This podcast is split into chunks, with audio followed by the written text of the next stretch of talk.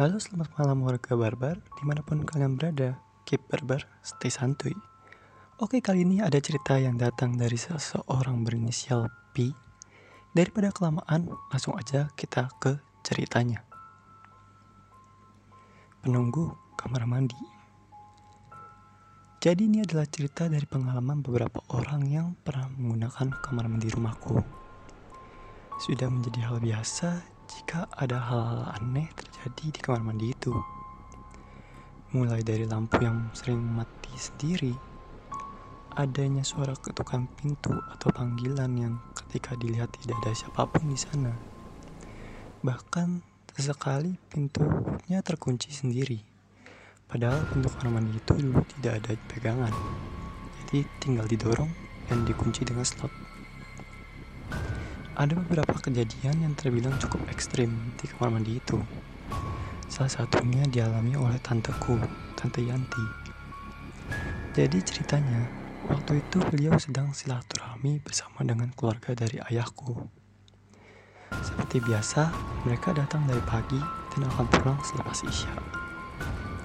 Semuanya datang dalam keadaan sehat, tidak ada yang terlihat sakit.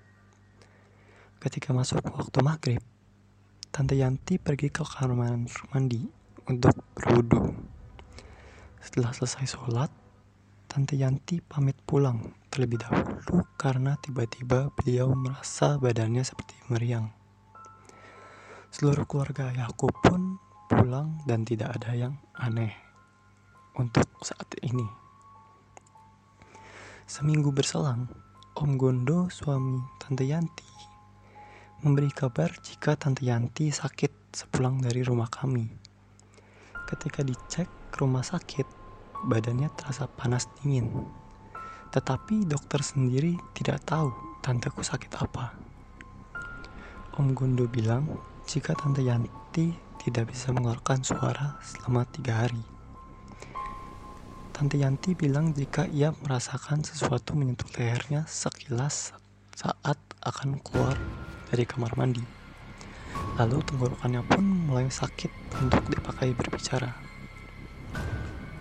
Selain kejadian itu, ada lagi kejadian lain yang menimpa keluargaku. Kejadian ini dialami oleh ayahku sendiri.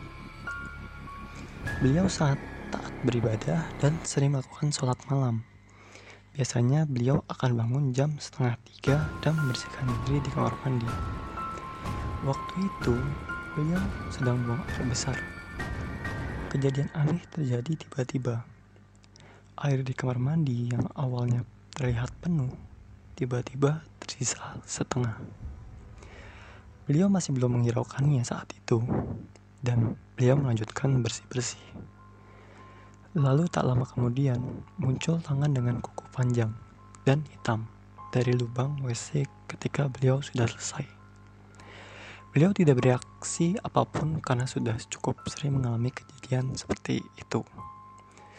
Beliau dengan tenang menyiram air dan membaca doa seraya berkata, Saya tidak mengganggu kamu, jadi jangan mengganggu saya atau siapa pun. Kalau kamu mengganggu, biar ayat-ayat Allah yang akan membakar dan menyiksamu. Lalu, tak lama berselang, tangan itu pun hilang, dan beliau pun kembali melanjutkan aktivitasnya. Kamar mandi itu sampai sekarang masih ada. Hanya saja sudah sedikit diperbaiki. Tapi semenjak saat itu, tidak ada lagi kejadian yang cukup ekstrim. Ya, setidaknya sampai saat ini. Pesan dariku, jangan lupa untuk baca doa sebelum dan sesudah masuk atau keluar kamar mandi. Sekian cerita dariku. Terima kasih sudah mendengarkan. Bye.